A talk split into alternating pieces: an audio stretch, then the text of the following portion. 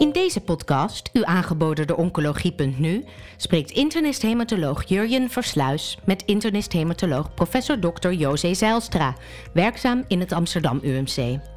Zij vertelt over de laatste ontwikkelingen op het gebied van Hodgkin-lymfoom, die werden gepresenteerd tijdens de hybride 63ste ASH Annual Meeting.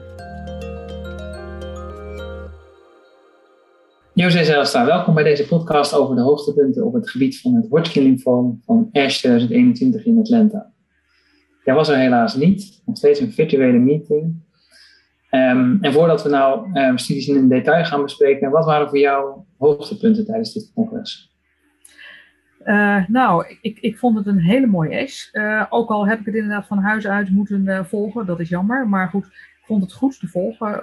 De eerste dag was er nog soms wat technische troubles, maar het algemeen was het heel goed volgen, vond ik toch, van huis uit. En uh, ik, een van de hoogtepunten vond ik echt uh, voor mij uh, de educational uh, sessie over Hodgkin lymfoom. met als titel ehm, Cure and Optimal Survivorship. Um, en ik vond het heel erg leuk dat Marie-José Kersten daar een hele prachtige presentatie gaf over first line salvage in Hodgkin lymphoma, chemotherapie of novel agents. En uh, ik denk dat dat een, een hele uh, ja, prikkelende uh, vraag is waar we staan als patiënten na eerste lijns behandeling recidiveren of zelfs primair refractair zijn. Um, dan is er toch een zekere chemoresistentie bij deze patiënt. Um, kies je dan opnieuw toch weer voor een andere vorm van chemotherapie of is het dan beter om naar novel agents te kijken of probeer je juist een combinatie van beide? Um, dus ik denk dat dat uh, heel erg uh, relevante vragen zijn uh, voor mensen die, dokters die Hodgkin-patiënten behandelen. en het is altijd een teleurstelling als je dan de patiënt ziet met een recidief, want dat is natuurlijk toch maar 10%, 12% van de mensen die recidiveert. En je hoopt natuurlijk altijd dat de patiënt die tegenover je zit dat nou net niet zal hebben.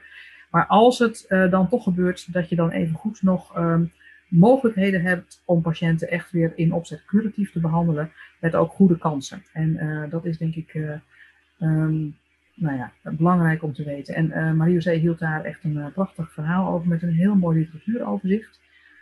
in een overigens ook heel aardige sessie met voor haar een spreekster, Christy Bloom uit Amerika, over controversies in de behandeling van early stage Hodgkin. En na haar ook een prachtig verhaal over wat te doen bij patiënten die recidiveren na brentuximab vedotin en checkpointremmers. Uh, dat komt gelukkig niet vaak voor, maar als dat natuurlijk gebeurt, uh, het zijn vaak jonge mensen, wil je toch ook kijken of er dan nog mogelijkheden zijn, um, het liefst in opzet curatief uh, en anderszins toch langdurig palliatief. dus ik vond het een hele mooie sessie die alleszins het beluisteren waard is, ook voor de mensen die nu denken, ik heb hem gemist. zoek hem nog even op op ja. de website. want dat kan meestal het kan nog een tijdje als het goed is, hè? Ja, hij, eh, je kunt hem zeker nog tot en met uh, eind december en uh, bij sommige nou ja, zeg maar, um, registraties zelfs tot half januari bekijken. En ik denk ook dat het leuke daarvan bij te vertellen is, uh, ook naar aanleiding van het verhaal van Marie-José Kersten. Dat ging ook over de Transplant Brave studie natuurlijk, waarbij wij in de fase 2 studie in Nederland uh, brentuximab vedotin met DAP hebben gecombineerd. Uh, om uh, op die manier um, patiënten meer, hopelijk meer patiënten in een complete metabole remissie te krijgen voor autologentransplantatie. Uh, die studie besprak zij natuurlijk ook. Um, maar het aardige is ook misschien nog om nu alvast te vertellen dat uh, de uh, registratie in Nederland voor de combinatie van brentuximab vedotin en DAP per 1 februari 2022 een feit is, omdat de afgelopen week de CBEC um, onze aanvraag gehonoreerd heeft om de combinatie brentuximab en DAP uh, in tweede lijn te kunnen geven in Nederland. Kijk, dat is mooi nieuws. Ja, dus dat is denk ik uh, toch uh, een, nou ja, een, een, mooie stap vooruit om voor patiënten met een recidive in eerste lijn toch die combi te kunnen geven van een novel agent, zoals brentuximab vedotin in combinatie met tweede lijn chemotherapie. Ja. Zullen we beginnen met, als we studies gaan bespreken, met dan toch de eerste lijn, voordat we straks terugkomen op de tweede lijn met brentuximab. Um, en dan is denk ik de eerste studie die we moeten bespreken, de studie um, uh, van uh, een Britse groep, die eigenlijk een, uh, een grote analyse deed van verschillende regimes. Daar kan je vast meer over vertellen. Ja, ja het was een mooie oral presentation van Anna Santarsiri, als ik haar naam goed uitspreek. Ik durfde het niet. Nee, maar goed, volgens mij ongeveer zo. En zij heeft een prachtige presentatie gehouden van een retrospectieve analyse die zij gedaan hebben, dus real world data, waarbij zij um, de gegevens, de effectiviteit en de toxiciteit van BCOP escalated vergeleken heeft met de ABVD um, behandelde patiënten in de RETTLE trial versus een nieuw regime waarbij de um, procarbazine, die in de BCOP natuurlijk gedurende zeven dagen, in de, eerste zeven dagen van elke kuur gegeven wordt, die procarbazine was bij een deel van de patiënten die zij heeft geanalyseerd, dus vervangen door twee dagen dacarbazine op dag 2 en 3. Um, en zij heeft dus dat aangepaste BICOP-regime, wat zij um, BICO-DAC, BICOP-DAC, zeg maar, noemt. Dus de brocarbazine geswitcht voor de dacarbazine, vergeleken met dus um, matched controls. Dat heeft ze heel netjes gedaan, met BICOP en ABVD. En dat was denk ik een hele mooie analyse, hoewel retrospectief, dat geeft ze ook meteen zelf toe, toch denk ik hele duidelijke uitkomsten waarbij de toxiciteit van dat aangepaste regime toch wat minder leek te zijn, met name qua neutropenie, maar ook voorzichtig op de fertiliteit. Patiënten, vrouwelijke patiënten herstelden sneller qua ovariële cyclus. zonder dat er een verschil was in effectiviteit in vergelijking met de BICOP behandelde patiënten. Um, en daarbij zei ze van, nou, de, dus de, de, de eh, lijkt even effectief, even effectief zijn als de, de BICOP. Ongeveer uh, 94 en 92 procent uh, driejaars progressievrije overleving. Maar dat is duidelijk superior, beter dan de uh, ABVD behandelde patiënten. Waarbij de vijfjaars progressievrije overleving 81% was. Dus ze zei, um, het is um, effectiever dan AWVD en het lijkt minder toxisch te zijn dan uh, de BICOP. Dus um, ze adviseert toch nou ja, verdere studies, verdere onderzoek daarnaar. Maar vooralsnog lijkt dit een, een, mooie switch. En het aardige is ook dat um, deze switch uh, van procarbazine naar dacarbazine is ook gemaakt in de um, BRECAT-schema's die we in de COBRA-studie, vanuit de COBRA-studie kennen. En ook vanuit uh, de uh, HD21-studie. Daarbij zijn natuurlijk niet alleen de procarbazine eh, geswitcht voor dacarbazine, maar ook de prednison geswitcht voor uh, dexamethason. Dat hebben zij hier dus niet um, onderzocht.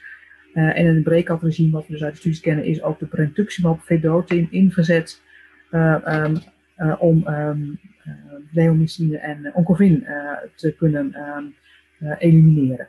Dus dat is een wat uitgebreidere switch dan wat zij beschrijft.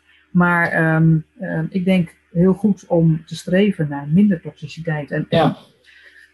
Dat, dat is denk ik uh, een, een heel belangrijke inzet om uh, de eerste lijnsbehandeling uh, minder toxisch te maken zonder verlies van effectiviteit. Dan denk je dat, dat op basis van deze resultaten, want dit is een relatief makkelijk aan te passen switch van procarbazine naar dacarbazine, dat, dat dat iets is om nu al te doen? Nou, um, ik vind één retrospectieve analyse bij 225 patiënten nog wel een klein beetje uh, weinig. Maar ik kan me voorstellen dat als je een jonge patiënt hebt die je echt um, liever iets intensiever wil behandelen dan met ABVD, maar de fertiliteit bijvoorbeeld is echt een, een issue, ja, dat je het een keer zou kunnen proberen. Ik zou het nog niet standaard willen adviseren. En we hebben het ook nog niet over gehad dat het nou in de Hodgkin-richtlijn uh, moet komen. Die moet wel weer binnenkort geüpdate worden, maar of dit er dan al in komt, dat denk ik niet. We kijken in principe naar, naar gepubliceerde data en uh, in peer-review tijdschriften. Dus ik denk dat dat nog uh, te vroeg is. Maar ik vind het wel een hele mooie stap uh, om de toxiciteit te verminderen. Ja. Nou waren de meeste studies in de Hodgkin-sessies gericht op de refractaire dan wel recidiefpatiënten. Um, en ik denk dat een belangrijke studie geleid vanuit het Amsterdam UMC uh, dat we die moeten bespreken. Gepresenteerd door Julia Driessen. Ja. ja, Julia is PhD-student in het Amsterdam UMC. En zij presenteerde echt een, een hele mooie um, analyse die ze gedaan heeft. Mee naar aanleiding van de Transplant Brave studie, waarbij we dus uh, rituximab vedotin DAP hebben vergeleken. heeft zij in de literatuur eigenlijk een soort systematisch onderzoek gedaan naar alle andere studies die er in combinatie met brentuximab vedotin plus chemo ehm, gedaan zijn. En dat kon dus brentuximab vedotin met een gemcitabine gebaseerd regime zijn of met uh, bendamustine of met ICE. En ze heeft al die mensen, al die uh, auteurs aangeschreven en gevraagd of zij de individuele patiëntendata mocht gebruiken voor een, uh, een IPD-analyse van de combinaties van brentuximab met chemo.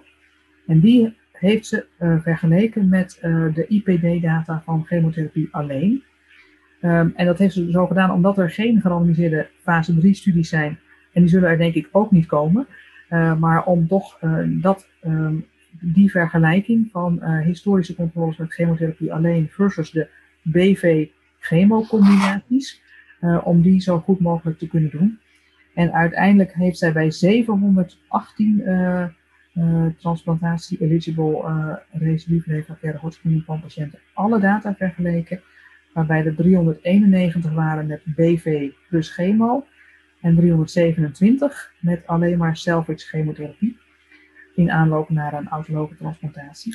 En, ja, echt, echt, veel. Echt een knappe, een knappe exercitie om al deze, want dat zijn negen um, toch wel relatief grote studies geweest, die ze allemaal uh, verzameld heeft. Heel veel werk. En ook heel genereus denk ik dat al die um, uh, auteurs gewoon al die data ook aan haar gewoon ter beschikking hebben gesteld voor deze analyse. Uh, maar ook heel veel werk uh, voor Julia om dat allemaal netjes uh, zeg maar, te controleren en in een database te zetten. Um, maar de resultaten zijn dan ook echt prachtig. Ja, vertel, wat, wat, wat vond ze? Nou, zij vond dat de combinatie van brentuximab vedotin plus chemotherapie een betere driejaars progressievrije overleving liet zien. Van 74% versus 67% voor uh, de uh, chemotherapie alleen behandelde patiënten. En in de overall survival was het verschil nog groter. In de chemo plus um, uh, BV groep was de overall survival 94% en dat was 80% in de chemotherapie alleen groep. Waarbij zij heel terecht de opmerking maakt dat de BV-chemotherapie studies van recentere datum zijn dan de, de chemotherapie alleen studies. Waardoor er nu ook betere salvage opties zijn voor patiënten die recidiveren na autologe stamceltransplantatie. Uh, dus die overall survival, zeg maar, verschillen moet je denk ik uh, in het licht van de tijd zien. Um, maar goed, uh, de driejaars progressievrije overleving was dus eigenlijk ook significant beter. En wat ook um, opviel was dat nou ja, het, het, percentage patiënten wat een complete metabole remissie bereikte, voor uh, autologe stamceltransplantatie was ook uh, heel hoog in de BV uh, chemotherapie combinaties. En dan blijkt eigenlijk ook de pre-autologe stamceltransplantatie PET-status de belangrijkste prognostische factor te zijn voor progressievrije overleving na autologe transplantatie. Want dat was voor patiënten met een complete metabole remissie, dus een DOVIL 1, 2, 3, was dat 79% driejaars overleving versus 58% voor de patiënten met een partiële metabole remissie. Dus die patiënten met een um, uh, onvoldoende PET-respons, eigenlijk zou je moeten zeggen, dus geen complete metabole remissie, hebben gewoon echt een, nou ja, een chemoresistentere status, waardoor uh, de kans op een recidief na transplantatie ook echt weer uh, groter is. Dus ik denk een hele mooie analyse uh, om toch um, ook uh, die BV plus chemotherapie um, combi te supporten. Um, nu was het wel zo dat het grootste verschil vond zij duidelijk bij de patiënten die een recidief hadden naar eerste lijnspatiënten. En bij de patiënten die primair refractair waren, was de BV plus chemo combinatie eigenlijk niet echt substantieel beter. En dat was natuurlijk toch een beetje jammer, want dat is wel de groep waarvan we hoopten, dat is natuurlijk de prognostisch gezien slechtste groep, dat we ook met BV-chemo iets meer zouden kunnen doen. Maar daarbij merkt zij ook heel terecht op dat uh, brentuximab vedotin is natuurlijk ook gewoon een vorm van chemotherapie die antibody uh, um, uh, gestuurd is. Dus, maar uiteindelijk is de, um, de, de auristatine groep die intracellulair wordt afgesplitst, is ook gewoon weer een, een, soort paard van chemotherapie. Um, en daarmee dus natuurlijk ook een iets slimmere vorm van chemotherapie, maar nog steeds chemotherapie. En ehm, nou, dan moet je misschien, als je daarna recidiveert, moet je toch meer uh, richting de checkpoint renners gaan. En uh, niet alleen maar met de knopverduiding door. Ja, dat is denk ik ook gelijk een mooi bruggetje naar de, de laatste studie die we moeten bespreken. Uh, voor patiënten met een recidief en primair refractair klassiek Hodgkin-lymfoom. Um, uh, is een fase 2 studie waar pembrolizumab werd toegevoegd aan ICE-chemotherapie. Ja. ja, ook dat Wat vond je van die resultaten? Ja, nou ja, ik, ik vond het, uh, het, is, het was een hele mooie presentatie ook. Uh, ook weer een single-arm fase 2 studie. Maar wel bij verschillende instituten gelopen. Waarbij zij de pembrolizumab 200 milligram fixed dose, zoals we die ook in Nederland kennen, gecombineerd hebben met ICE. ICE is niet het regime wat wij het meest gebruiken voor recidief patiënten. Maar goed, ifosfamide, carboplatin en etoposide is wel uh, ook internationaal gezien een veel gebruikt uh, chemotherapie-schema. En daar hebben zij dus de pembrolizumab aan toegevoegd, uh, niet sequentieel, maar tegelijkertijd. En uh, na twee cycli PEM-ICE volgde stamcelmobilisatie. Dat bleek eigenlijk heel goed te kunnen. Dat, dat was niet... Um, was niet ja, ik, ik, een beetje omdat het viel me op dat ze... Het, het, het klopte dat het bijna altijd lukte, maar ze hadden bij 90% wel twee, meer dan twee, twee, sessies of meer nodig. Twee dagen nodig, inderdaad. Ja, nee, dat klopt. En waarbij er zelfs één patiënt was met zeven dagen uh, uh, ja. sessies. Ja, nee, dat, dat is waar. Het ging misschien niet zo makkelijk als dat wij dat kennen uit een, een DAP-kuur. Um, maar of dat dan komt door de pembrolizumab of dat het gewoon komt door de intensievere voorbehandeling die patiënten al gehad hebben, dat is natuurlijk altijd even de vraag. Want het was wel zo dat van de um, 34 patiënten die ze beschreven, was er maar geloof ik 16 primair refractair. Dus uh, het was wel echt ook een, een, een, een bovengemiddeld, uh, zeg maar, uh, slechte groep. Ja. Um, en nou goed, na twee kuren PEM-ICE hebben ze de balans opgemaakt en blijkt 86,5% in complete metabole remissie te zijn. Dus dat is beter dan ook de, de historische controle. En ze hadden gehoopt boven de 70% uit te komen. En dat, dat primair eindpunt hebben ze dus gehaald. Um, en uh, wat betreft de toxiciteit, daar schrok ik nog wel een klein beetje van. Omdat er toch best veel patiënten waren met een graad 3 en graad 4 uh, toxiciteit. En zelfs graad 5 toxiciteit. Ja. Uh, wat ik niet zo ken van onze zeg maar, gewone tweede lijns behandeling. En ook niet van de BV DAP die wij geven. Daar vergelijk, ik dan een beetje mee. daar zagen we wel wat soms wat diepere neutropenieën. Die zij ook beschrijven bij PEM-ICE.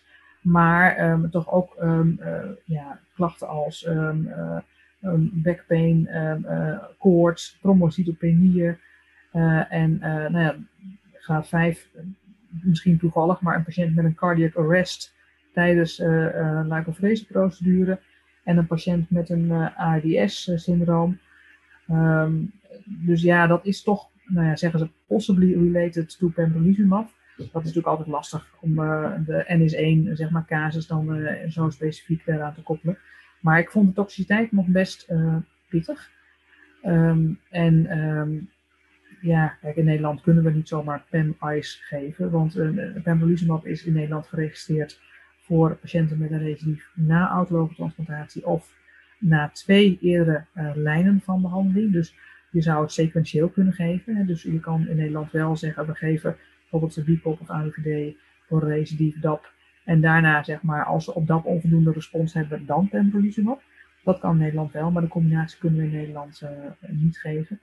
En of ik nu meteen zou denken van nou, dit gaat hem worden, dat weet ik nog niet. Ik moet eerlijk zeggen dat als ik naar onze uh, ervaringen met BV-DAP kijk, dan uh, denk ik dat het ook een hele effectieve behandeling is met toch iets minder toxiciteit.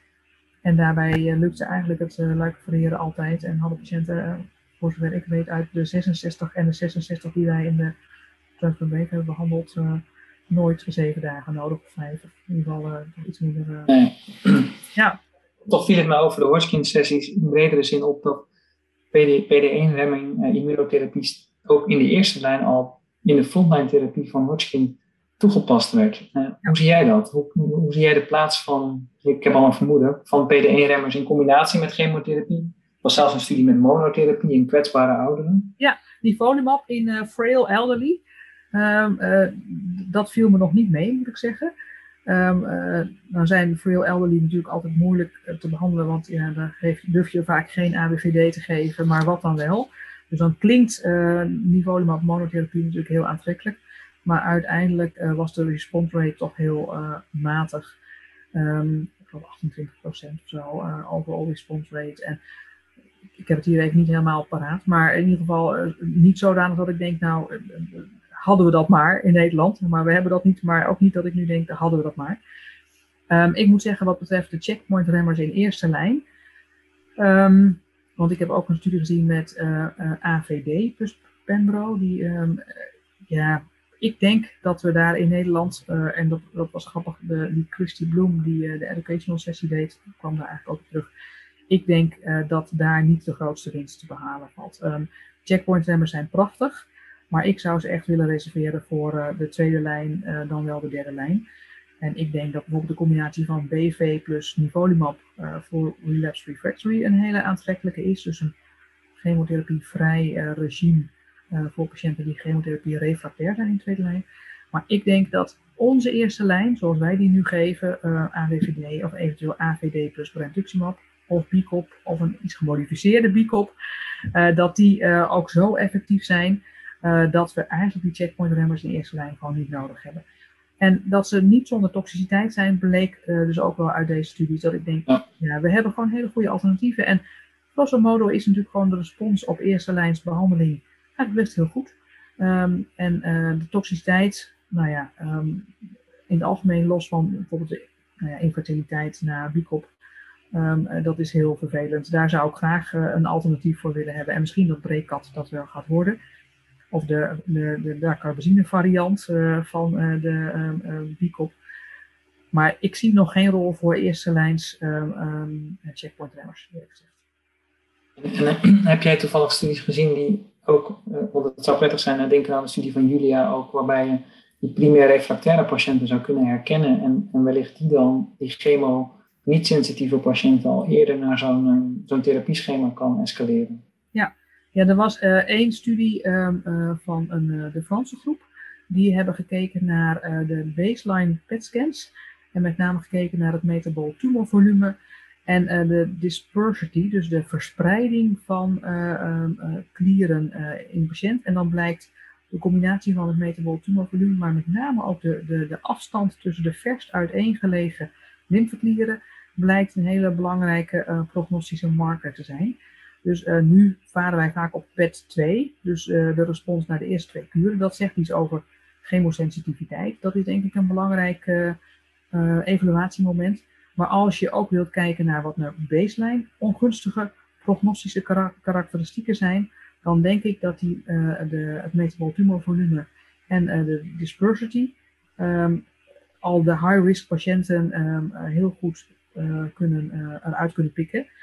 Uh, en dat dat wel de patiënten zijn uh, waarvan je denkt, nou als ze dan een high-risk um, uh, karakteristiek hebben op baseline en ze blijken na twee kuren, um, nou ja, ABVD of BICOP, um, nog steeds bed positief, dan heb je denk ik wel de patiënten te pakken die het snelst in aanmerking zouden moeten kunnen komen voor de novel agents als checkpoint remmers. Nou, mooi. Wat mij betreft. Ja. ja. Zijn er, nog dingen, ik denk dat we de belangrijkste dingen hebben besproken. Zijn er nog dingen die we gemist hebben?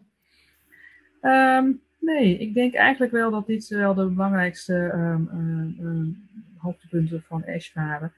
En um, ja, er was denk ik niet een enorme doorbraak. Er was niet iets waarvan ik dacht van nou, dat is nou meteen op dit moment practice changing. Want daar kijk ik dan natuurlijk naar van moeten we nu de richtlijn voor Hodgkin gaan aanpassen op basis van uh, de resultaten die we nu gezien hebben. Nou, dat denk ik nog niet meteen. Maar goed, ik denk uh, oren en ogen open ook als straks deze um, presentatie straks uh, in de krant komen te staan. Um, uh, wat eruit naar voren komt. En nou ja, ik ben heel benieuwd. Maar ik denk toch weer voldoende nieuws om goed over na te denken. En, ja. ja, wat mij betreft zeker weer een geslaagde Ash. Mooi. Nou, dankjewel voor je tijd en voor ehm, je bijdrage aan deze podcast. Heel graag gedaan. En nou ja, graag weer tot de volgende keer. tot ziens. Zeker, tot ziens. Bent u geïnteresseerd in meer podcasts? Deze zijn te vinden op de website oncologie.nu.